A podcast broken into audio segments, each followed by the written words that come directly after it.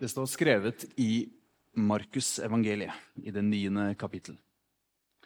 Seks dager senere tok Jesus med seg Peter, Jakob og Johannes og førte dem opp på et høyt fjell, hvor de var alene. Der ble han forvandlet for øynene på dem, og klærne hans ble så skinnende hvite at ingen som bleker klær her på jorden, kan få dem så hvite. Elia viste seg for dem sammen med Moses, og de snakket med Jesus. Da tok Peter til orde og sa til Jesus, 'Rabbi, det er godt vi er her. La oss bygge tre hytter. En til deg, en til Moses og en til Elia.'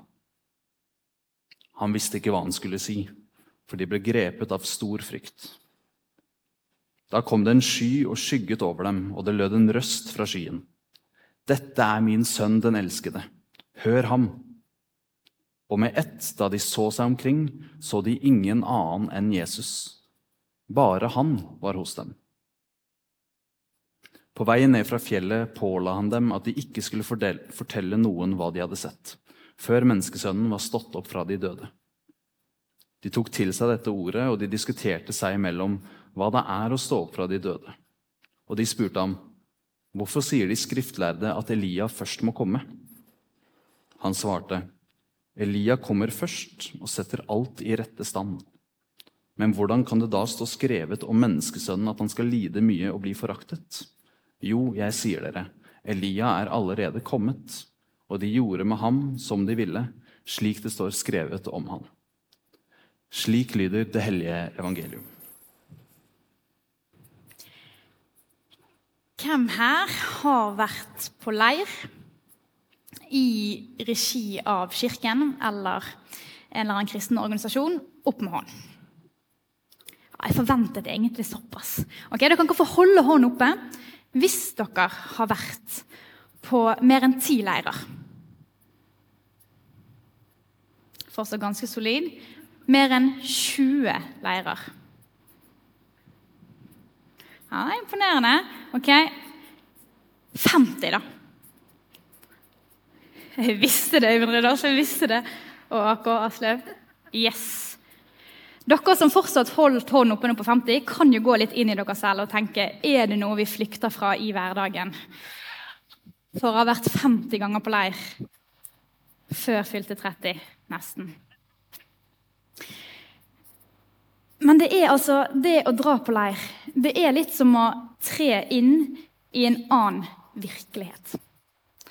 Det har i hvert fall vært min opplevelse. Etter knappe 24 timer så er det nesten som jeg ikke husker livet mitt hjemme. Og hvis noen hadde fortalt meg at dette er nå den nye tilværelsen min, så hadde jeg tror jeg bare hadde akseptert det. Nå er det sånn. Nå skal jeg være på leir resten av livet. I dagens tekst så er Jesus, Peter, Jakob og Johannes de er på leir.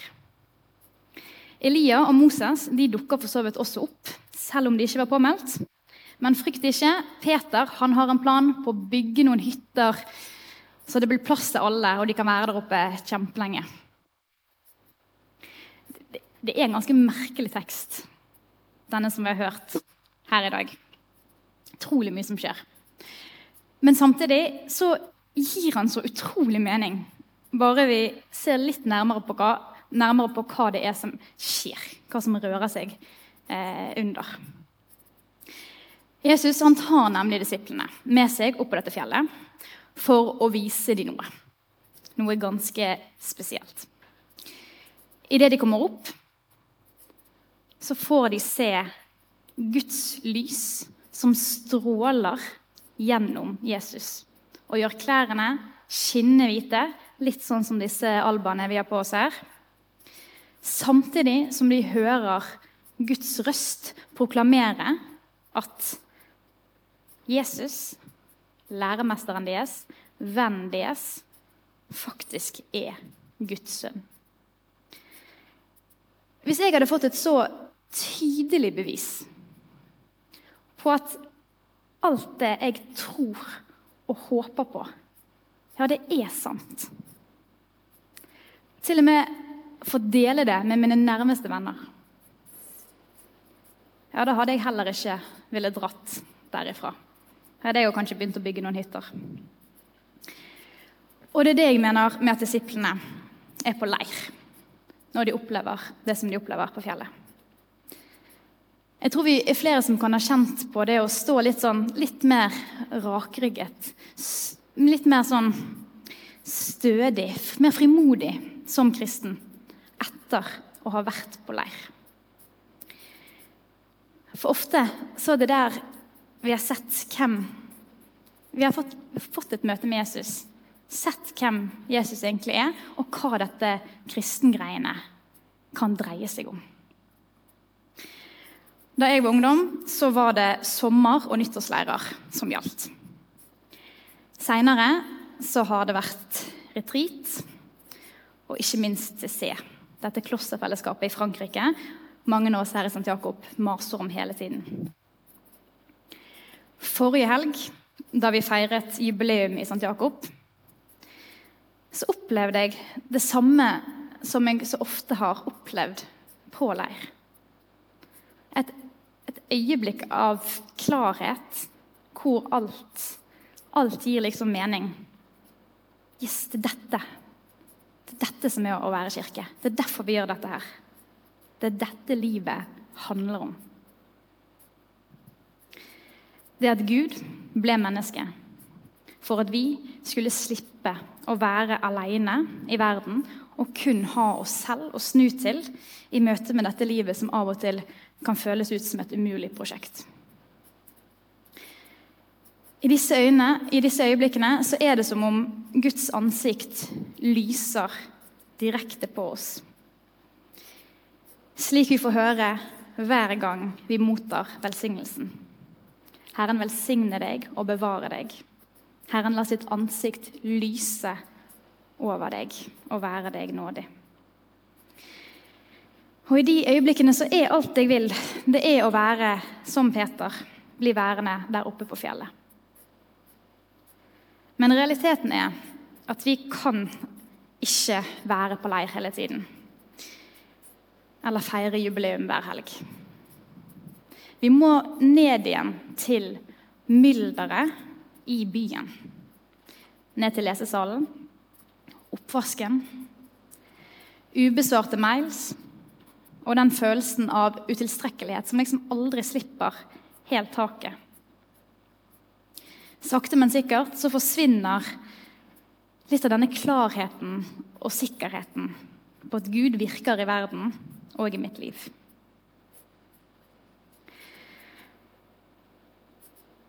Men hvis vi ikke kommer ned fra dette fjellet,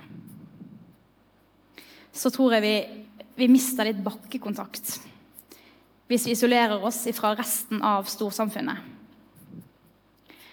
Hverdagen, med all dens kjas og mas, er utvilsomt mindre storslagen. Men det er nå engang slik at det er hverdager vi er gitt flest av. Jeg tror ikke at det er tilfeldig at evangeliene inneholder ca. 50 lignelser, men kun et par beretninger om Jesus som viser seg i all sin herlighet, slik som i dagens tekst. Det Jesus først og fremst bruker for å fortelle om Gud og Guds rike, det er bønder som strever med avlingene sine, middagsbesøk hvor ingen av de inviterte dukker opp. Sauegjeting, surdeigsbaking og en kvinne som leter etter pengene sine. Hverdagslige situasjoner. Dilemmaer og valg. De som vi tidvis kan lengte vekk ifra. Drømme om at åh, kunne ikke bare noe spennende skjedd som liksom hadde røsket litt opp i den der eh, tralten som bare går og går. Men skulle derimot en livskrise inntreffe, så er det veldig mange som hadde gjort hva som helst for å heller stå sulten og litt irritert på butikken uten å komme på hva man skal til middag. Hverdagene er tross alt også en velsignelse.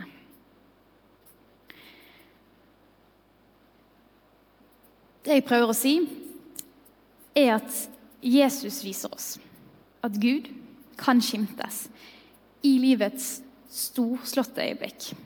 Når sløret liksom dras vekk fra øynene våre, og vi ser klart, som for aller første gang. Men Gud er òg til stede i det helt ordinære.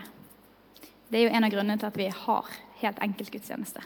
For å minne oss selv på det. Og vi trenger begge deler. Vi trenger begge deler for å tolke og gi mening til livene våre. Både de store øyeblikkene og de små. Derfor er det viktig at vi som kirke inviterer til gudstjenestefeiring hver søndag. Men òg til korøving på torsdager, studentlunsj på fredager, fotballtrening og basar så ofte vi orker. Dette er noen av tanken bak måten vi bygger kirke på her i St. Jakob.